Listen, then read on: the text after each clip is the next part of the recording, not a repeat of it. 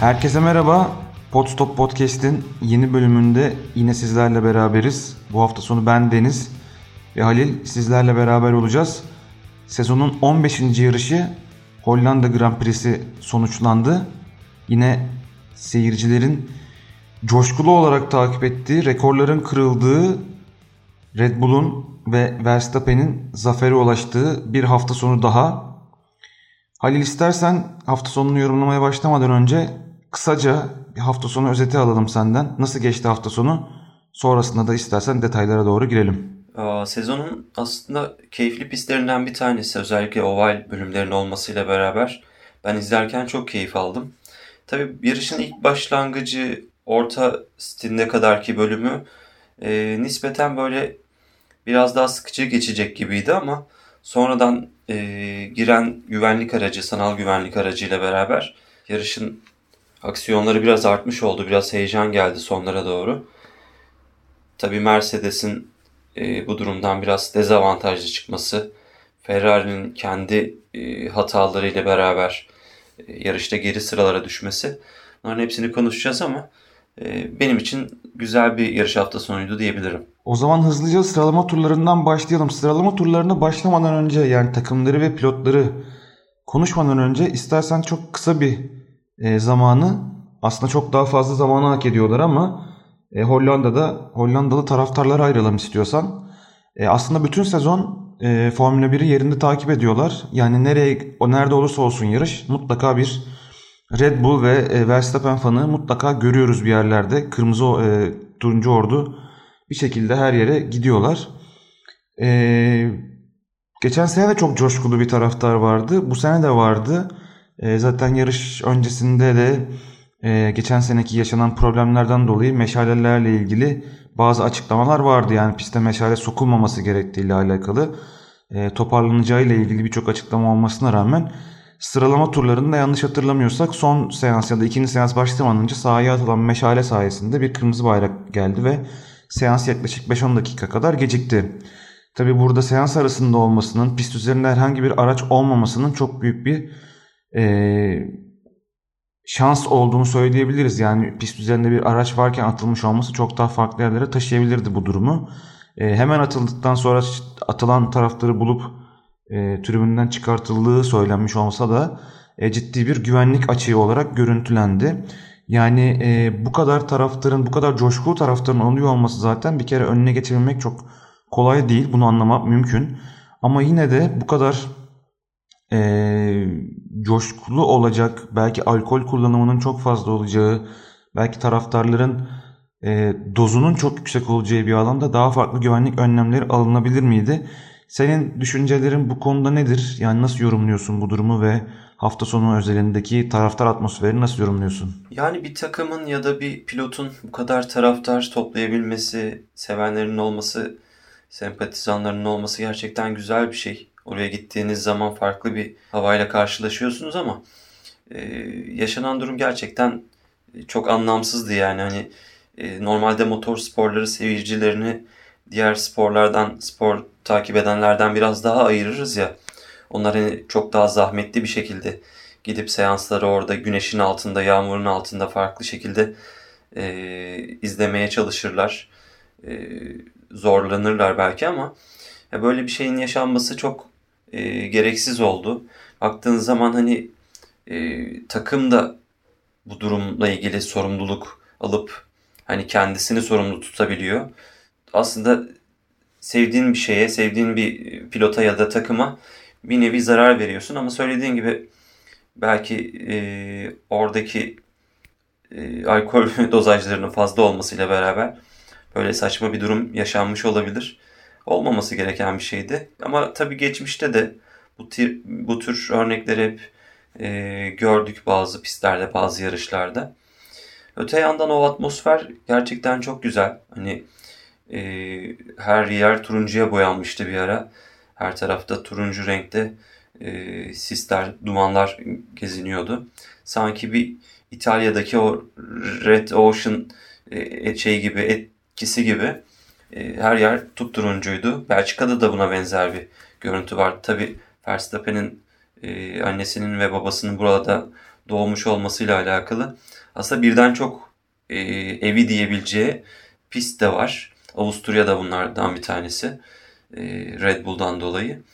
O açıdan farklı bir atmosfer katıyor ama e, bu tarz taşkınlıklarında bir şekilde önüne geçilmesi lazım. Bunu tabi e, pist e, yönetiminin, yerel yönetimin bir şekilde daha iyi e, didikleyerek, daha iyi belki üst aramaları yaparak insanları e, güvenli bir şekilde piste almaları gerekiyordu diye düşünüyorum. Ya tabii biz bunları genelde futbolda görmeye alışkınız. Yani futbol taraftarının yapmış olduğu taşkınlıklar bunlar. Söylemiş olduğun gibi aslında Formula 1 taraftarının çok alışkın olduğumuz bir davranışı değil ama son dönemde aslına baktığımızda Avrupa'daki yarışlarda özellikle bu gibi olmasa bile benzer taşkınlıkların yaşandığını çokça kez gördük. Yani geçtiğimiz haftalarda e, kadınlara yönelik yapılan bazı çirkin davranışlar, öncesinde yapılan özellikle Hamilton ve Verstappen rekabetinin başladığı geçen seneden bugüne gelen bazı davranışlar özellikle Avrupa tarafındaki yarışlarda görebiliyoruz. Ee, bu konularla ilgili ben Formula 1 yönetiminin daha sıkı denetimler ve yaptırımlar uygulayabileceğini ben düşünüyorum. Çünkü artık gün geçtikçe özellikle sosyal medyanın ve bazı yayın platformlarının çıkarmış olduğu belgesel ya da dizilerle beraber artarak ilerleyen Formula 1 e, kitlesinin artık bir şekilde e, bu gibi taşkınlıklara izin verilmemesi gerektiği yönünde düşünüyorum ben.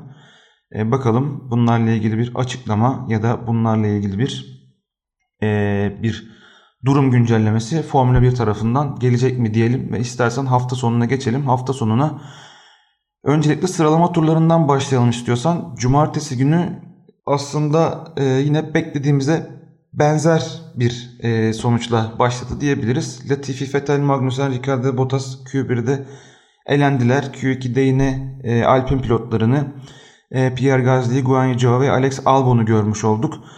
Q3'e kalan Yuki Tsunoda ve Mick Schumacher hafta sonunun cumartesi günü özelinde e, başarılı pilotlarıydı diyebiliriz. Onun üzerinde de yine görmeye alışkın olduğumuz Norris, Russell, Perez, Hamilton, Sainz, Leclerc ve pole pozisyonunda Max Verstappen'i görmüş olduk. Ee, çok yakındı Verstappen ve Leclerc. Hatta biz son turları atarlarken artık acaba hangisi kazanacak diye bekledik.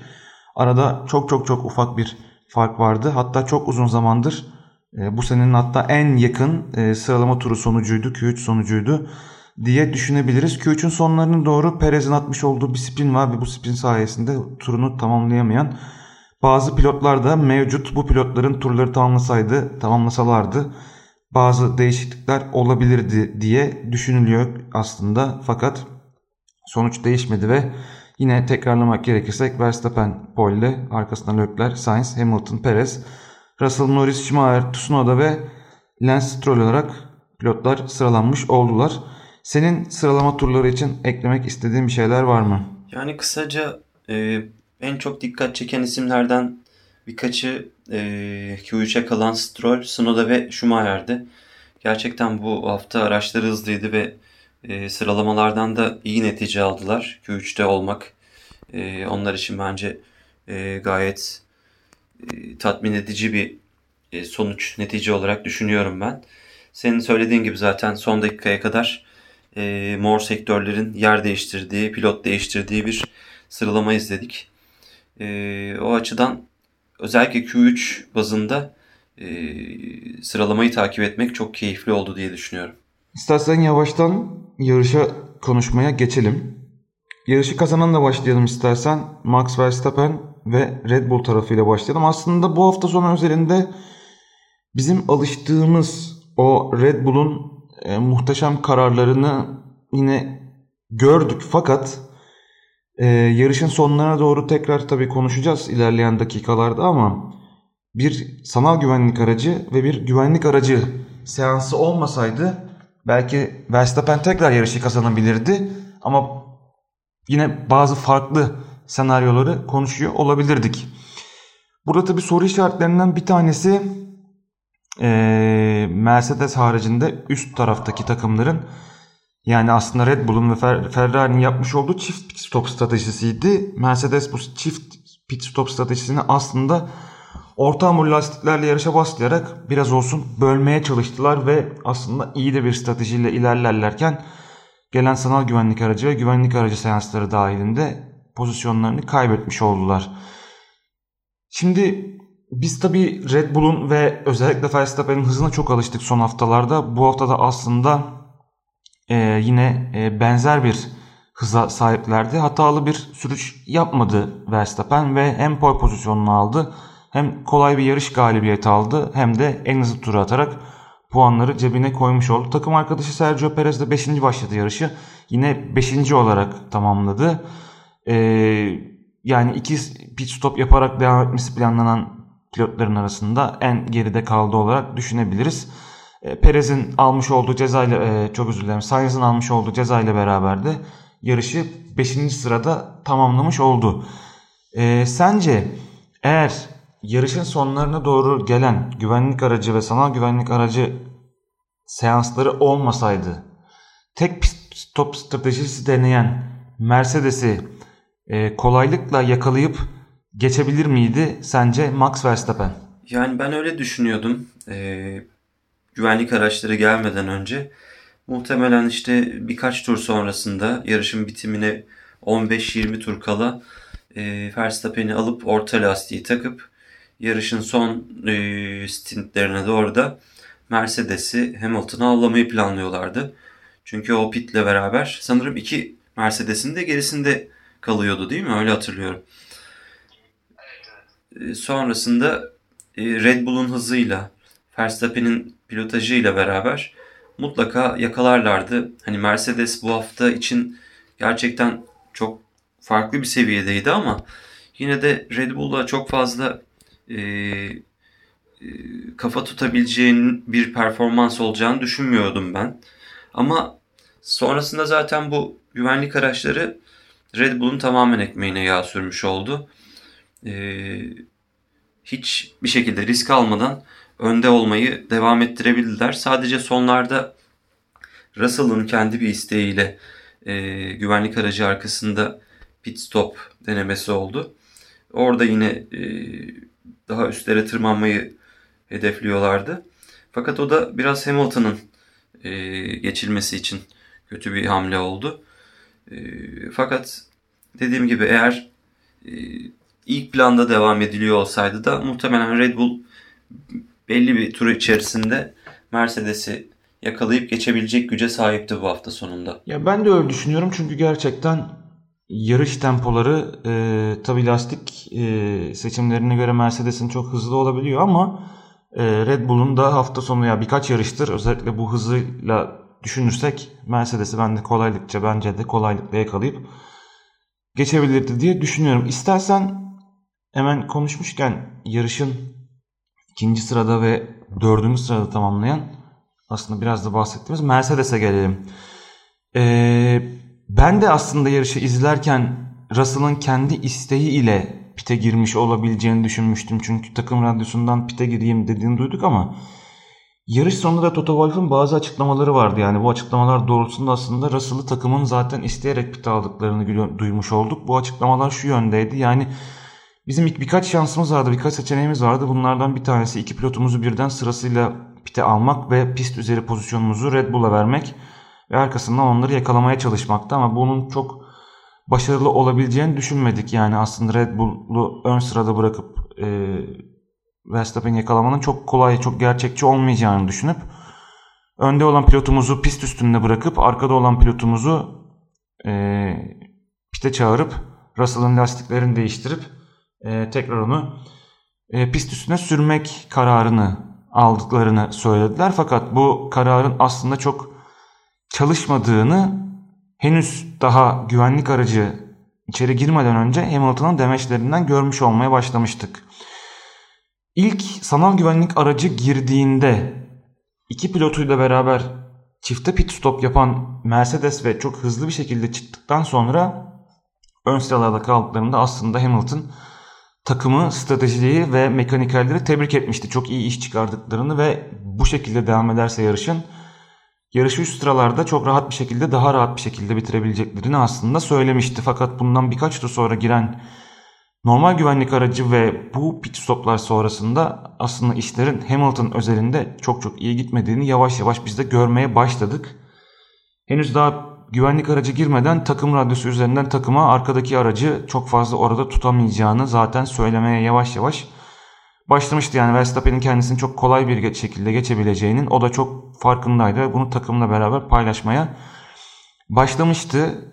Ee, sonrasında da aslında yarışı biz izlerken çok başka yanlış yanlış yerde başlatabileceğine çok çabuk geçildiğini görmüştük. Fakat daha sonra anladık ki yarışı tekrar başlattığı yani güvenlik aracı içeri girdikten sonra yarışı başlattığı süreçte aslında motorun farklı bir motor modunda olduğunu öğrendik. Bu şek bu sebepten dolayı da aslında Verstappen kendisini çok çabuk geçti. Aslında doğru motor modunda olsaydı muhtemelen birkaç tur içerisinde hızlı bir şekilde geçebilirdi diye düşünüyoruz kendisini. Arkasından Russell ve e, daha sonra da Leclerc e, Hamilton'ı kolayca geçmeyi başardılar. E, toparlamak gerekirse aslında Mercedes için bence çok iyi başlamayan, çok iyi yere doğru evrilen fakat sonlara doğru tekrar e, istedikleri gibi özellikle Hamilton tarafında istedikleri gibi bitmeyen bir yarış oldu ama ikincilik ve dördüncülük bence Mercedes için hafta sonu başlamanın 2-4 deseler bence kesinlikle kabul edebilecekleri bir sonuçtu. E, hem Russell'ın hem e, Hamilton'ın sürüşleri bence gayet iyiydi ve yüksek puanları bu hafta sonu özelinde toplamayı başardılar. Mercedes tarafındaki yorumların nelerdir? Yani şöyle düşünmek lazım. Sezonun ilk yarışında, ilk haftalarında yeni kural değişimlerine asla uyum sağlayamayan berbat bir arabayla uğraşıyorlardı. Öte yandan Ferrari'ye baktığımızda e, şampiyonluk için en büyük adaylardan bir tanesiydi. Ama yarışın bu noktasına gel, e, sezonun bu noktasına geldiğimizde aralarında sadece takımlar klasmanında 30 puanlık bir farktan söz ediyoruz. Şu an Mercedes 346, Ferrari ise 376 puanda e, önde götürüyor. Ama daha önümüzde 7 yarış var. Eğer Ferrari de işler böyle devam ederse, Mercedes bu gelişimine devam eder ve yarışlara yansıtıp e, hatta belki sürpriz bir e, galibiyet çıkartabilirse e, bu anlamda da öne geçmemesi için bir neden yok diye düşünüyorum. E, öte yandan e, sürücülerde de yine Russell Perez'i e, yaklaşık 12-13 puanlık bir farkla takip ediyor. Hamilton da Sainz'ın ensesinde. E, burada da farklı durumlar görebiliriz. Tabi muhtemelen sezonun sonlarına yaklaştık. Artık birkaç yarış içerisinde belki Amerika'da ya da Japonya'da güncellemeler, son güncellemeler gelecektir ama bakalım bunu e, doğru yerde, doğru şekilde hangi takım atacak, hangi takım yapacak. Artık şeyi konuşmuyoruz yani zaten. Red Bull'un e, şampiyon olmama ihtimalini, Verstappen'in şampiyon olmama ihtimalini konuşmamaya başladık. Herhalde e, konuşacağımız opsiyonlar hani Mercedes'in ne kadar gelişebileceği, Leclerc'in e, ya da Ferrari'nin e, hatalarla, operasyon hatalarıyla, pit hatalarıyla ne kadar geriye düşebileceği bunları tartışıyor olmamız lazım diye düşünüyorum. Yani artık Red Bull şampiyon oldu diyebilir miyiz? Yani e, tabii ki fer, şeyde Formula 1'de bir şeyleri bu kadar erken konuşmak iyi değildir. Çünkü 5 dakikada bütün yarışın seyri, e, birkaç yarışta bütün sezonun seyri değişebilir. Ama şu anda artık İbre bence Red Bull'u göstermeye başladı. Ve bunun da en büyük sebeplerinden bir tanesi evet Red Bull e, araç, strateji, pilot, pit duvarı, işte aklına ne gelirse pit ekibi bunların hepsinde şu an kusursuza yakın bir performans da gidiyor. E, Ferrari tarafına e, çevirmek gerekirse de her hafta bunlardan bir tanesinde e, dominant bir hata yapıyorlar. E, bununla beraber de işte e, takımlar e, sürücülerden bir tanesinin yarışı e, mahvoluyor ya da işte e, bir takım problemlerle geriye düşüyorlar. E tabi bu temponun bu şeyin e, kargaşanın içerisinde e, pilotların üzerinde de çok büyük baskılar var. Hani takımın her şeye e, iyi yaptığı bir hafta sonunda da zaman zaman e, pilotlar hata yapabiliyor. Hani bunları düşündüğümüz zaman ee, sanırım Red Bull bu seneyi kapatmış gibi görünüyor. Sen ne düşünüyorsun? Yani ben de kesinlikle öyle düşünüyorum. Bu saatten sonra işlerin çok tersine dönebileceğini çok fazla düşünmüyorum. Artık takımlar da zaten bunun yavaş yavaş farkındalardır diye tahmin ediyorum. Artık birinci belli, ikinci arıyoruz geyiği var ya biraz o tarafa doğru süreç kayıyor gibi geliyor bana da. İstiyorsan çok güzel aslında sözü sen açtın, topu da bana attın. E, hemen Ferrari'ye geçelim ve e, önce çok kısa Leclerc'ten bahsedelim. Sonra da şanssız Sainz'dan bahsedelim istersen. Leclerc yarışa ikinci sırada başladıktan sonra aslında Verstappen hızına bir şekilde yetişemedi. Ve daha sonra da tek pit stop deneyen Mercedes'lerin arkasında kalmış olmasına rağmen e, pit stoplar sonrasında en son pit stop'a girmeyen Hamilton'ı geçiremeyen Leclerc yarışı 3. sırada podyumda bitirmiş oldu. Aslında tek başına ve sıkıcı bir yarıştı diyebiliriz Leclerc için. Sainz'e geldiğimizde aslında Sainz için bunları söylemek çok kolay değil. Üçüncü başladığı yarışı aslında ilk pit stop sonrasında Ferrari takımı biraz mahvetti diyebiliriz. Pit stop'a gelen Sainz'in aracına sadece 3 lastik takabildiler. 4. lastik henüz pit stop'a gelen Sainz'de hazır değildi. Ve içeriden yetiştirmeye çalıştılar. Farklı teoriler vardı bununla ilgili. İşte unutuldu, çıkmadı vesaire gibi.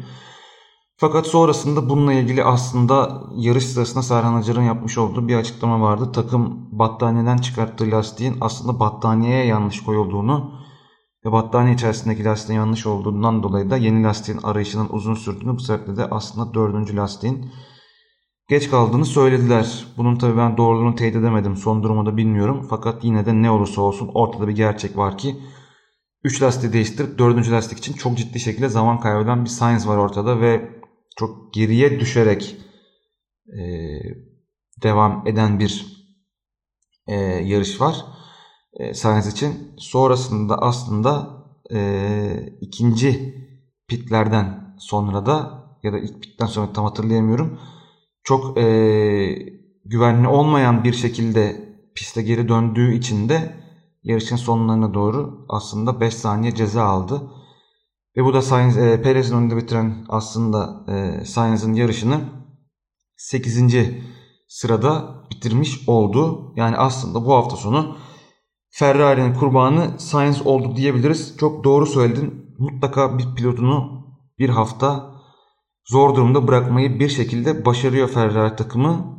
Bu hafta sonu yarış İtalya'da, Monza'da yani aslında Ferrari'nin evinde Uzun süredir başarılı olamayan, sezona iyi girdikten sonra istediği puanları toplayamayan bir Ferrari var. Uzun süredir aslında puanları toplamakta zorlanan ve hata yapan bir Ferrari var. Bu hafta sonu kendi evlerinde olacaklar. Farklı bir livery ile farklı bir modda yarışacaklar. Sen bu hafta sonu özelinde Ferrari'den ne bekliyorsun? Ee, kısaca bir Hollanda Grand Prix'sinde yani geçtiğimiz haftaki Belki kısaca bir Sainz ve Leclerc yorumu sonrasında da Monza'da Ferrari'den ne beklediğini merak ediyorum. Ee, o yaşanan durumla ilgili söylenecek çok fazla şey var. Bir yandan da hani e, ne söylesek aslında e, aynı şeye çıkıyor ama e, Formula 1 diyoruz yani hep motor sporlarının zirvesi. Hani bu mertebedeki bir sporda böyle bir hatanın yapılması gerçekten e, akıl almaz bir şey ya. Hani böyle e, birinin uyuması gibi hani o pit ekibinden mekanikerlerden birinin bir yerde uyuya kalması gibi çok e, saçma bir e, hata bu. Hani bir lastik battaniyesinin içerisindeki lastik e, hamurunu nasıl kontrol edemezsin? Hani bu nasıl gözden kaçabilir? Gerçekten akıl almaz bir şekilde e, komik malzemeler veriyorlar medyaya. E, son zamanlarda, son yarışların birçoğunda böyle. O yüzden e, diyecek bir şey bulamıyorum yani. Hani bir şekilde e, yarışlarda daima bir problem yaşayarak geriye düşmeyi başarıyorlar. E şimdi önümüzdeki haftaya bakıyoruz. Aslında İtalya'da, Monza'da galibiyet her zaman bir kırmızı araca yakışır. Yani öyle e, beklentimiz bu yöndedir. Böyle efsanevi bir e, mücadelenin arkasından keşke kırmızı bir aracın pilotu kupayı kaldırsa da o coşkulu atmosferi daha iyi yaşayabilsek isteriz yani. Fakat e, gerçekçi bakmak gerekirse hem pistin teknik özellikleri, uzun düzlükleri e, Red Bull'a çok fazla e, avantaj sağlayacak gibi duruyor. Öte yandan bu haftaki performansıyla e, Red Bull'un hani düzlük hızını daha da şekilde optimize ettiğini de görüyoruz. Tabi belli olmaz yani e, ne olacağı ama Ferrari sanki biraz daha işin e, hani daha ciddiyetsiz kısımlarıyla ilgileniyor gibi yani. Buraya eminim çok büyük bir şeyle gelecekler, gazla gelecekler ama hatta sanırım birkaç saat önce de e, yeni dil verileriyle ilgili bir fotoğraf düştü. Biraz daha sarı renklerin baskın olduğu bir araç. E, arka tarafların falan sarı olduğu bir araç. Umarım e, söylediklerimde haksız çıkarım. E, hem daha keyifli bir mücadele izleriz. Hem de e, Ferrari'nin bir atılım yapmasını, öne çıkmasını e, umuyorum diyeyim yani öyle söyleyeyim. Çok mümkün gelmiyor bana yani Ferrari'nin öne çıkıyor olması. Yani aslında tabii Red Bull burada tabii biraz e, uğursuzluk getirmeyen Red Bull'a ama uzun süredir de herhangi bir motor arızası ya da uzun süredir demesek bile bir hata görmüyoruz Red Bull tarafında. Eğer hatasız olurlarsa yine Red Bull'u yenebilecek takım çok kolay görmüyorum ben. E, fakat oluşabilecek bir kaza, bir belada farklı seçenekler doğabilir. Monza'da bunu daha önce gördük. Son yıllardaki Monza kazananları aslında bize Monza'nın sürprize ne kadar açık olduğunu gösteriyor. Şimdi istersen Red Bull, Mercedes ve Ferrari konuştuktan sonra ben kabaca geri kalan takımları şöyle hızlıca bir özetle geçeyim. Eklemek istediğim varsa ekleyelim. Sonrasında ben e, Tsunoda'nın yolda kalışı ile ilgili sonrasındaki komplo teorilerinden çok kısaca bahsedip bu bölümü daha sonra tamamlayalım istiyorum.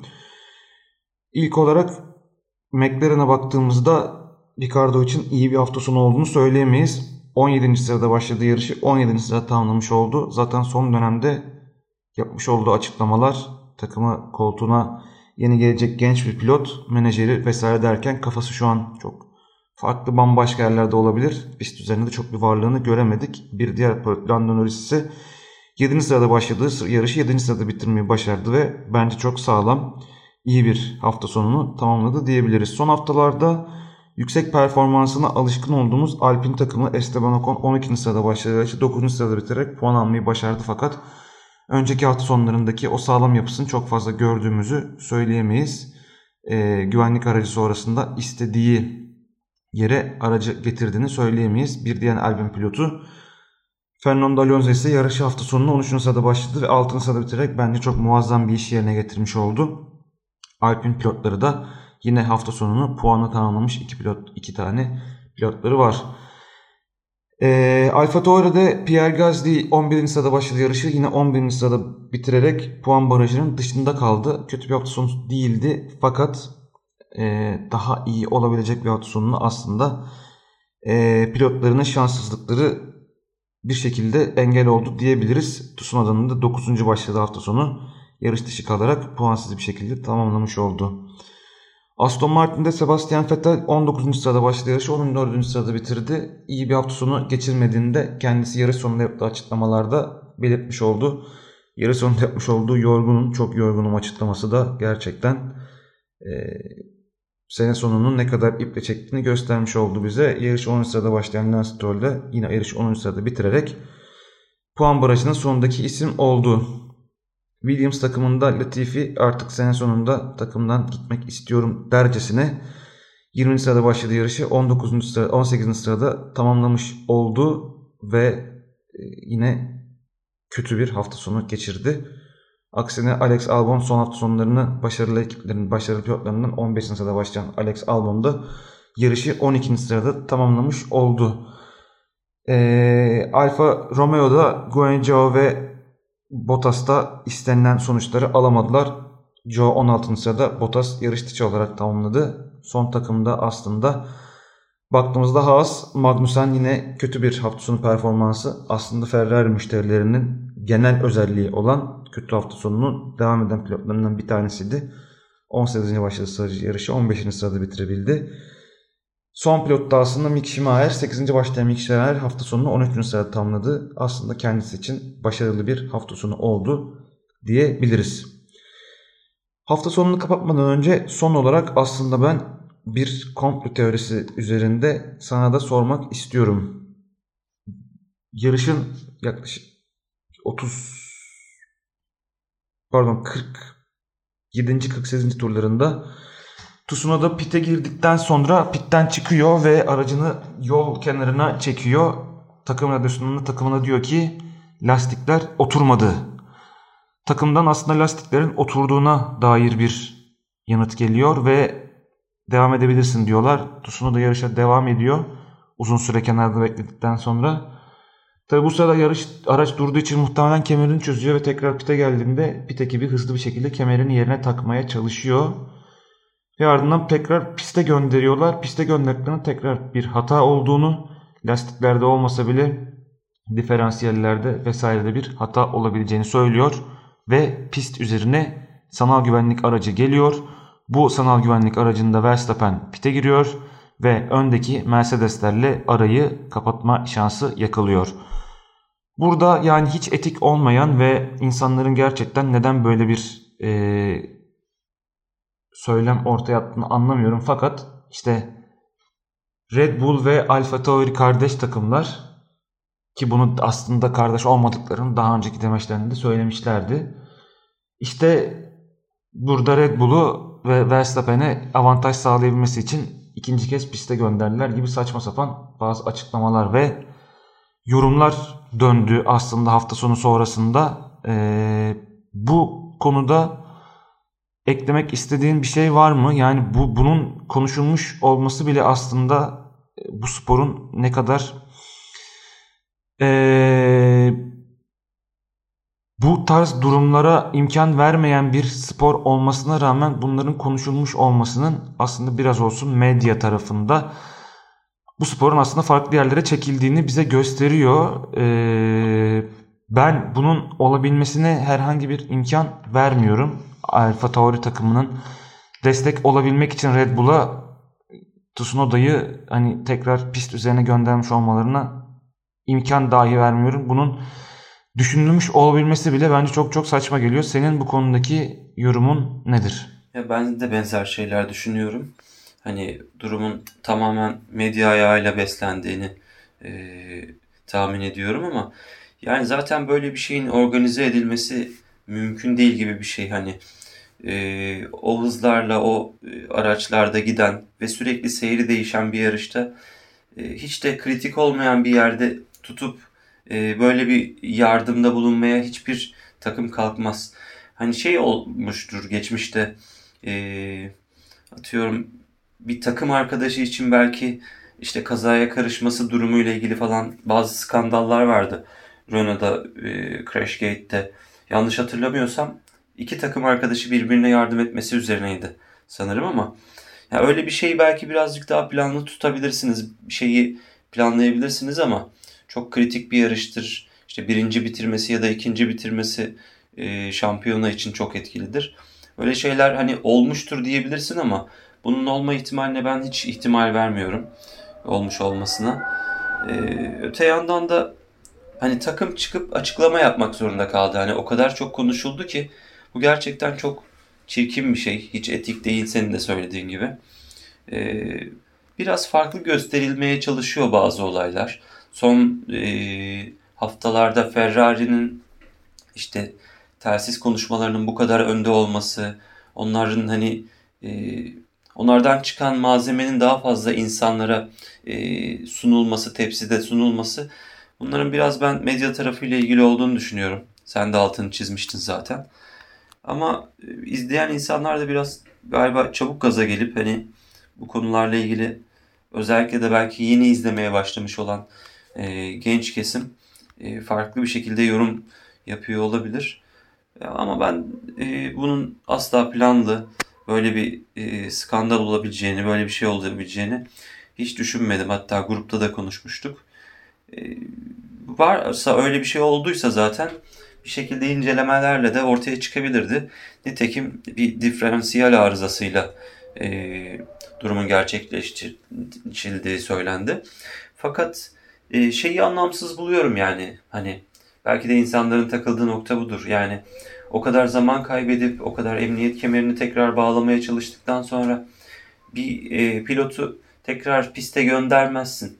Yani bırak e, bir 10 turda olsa e, bilmem kaç kilometre yapıyordur.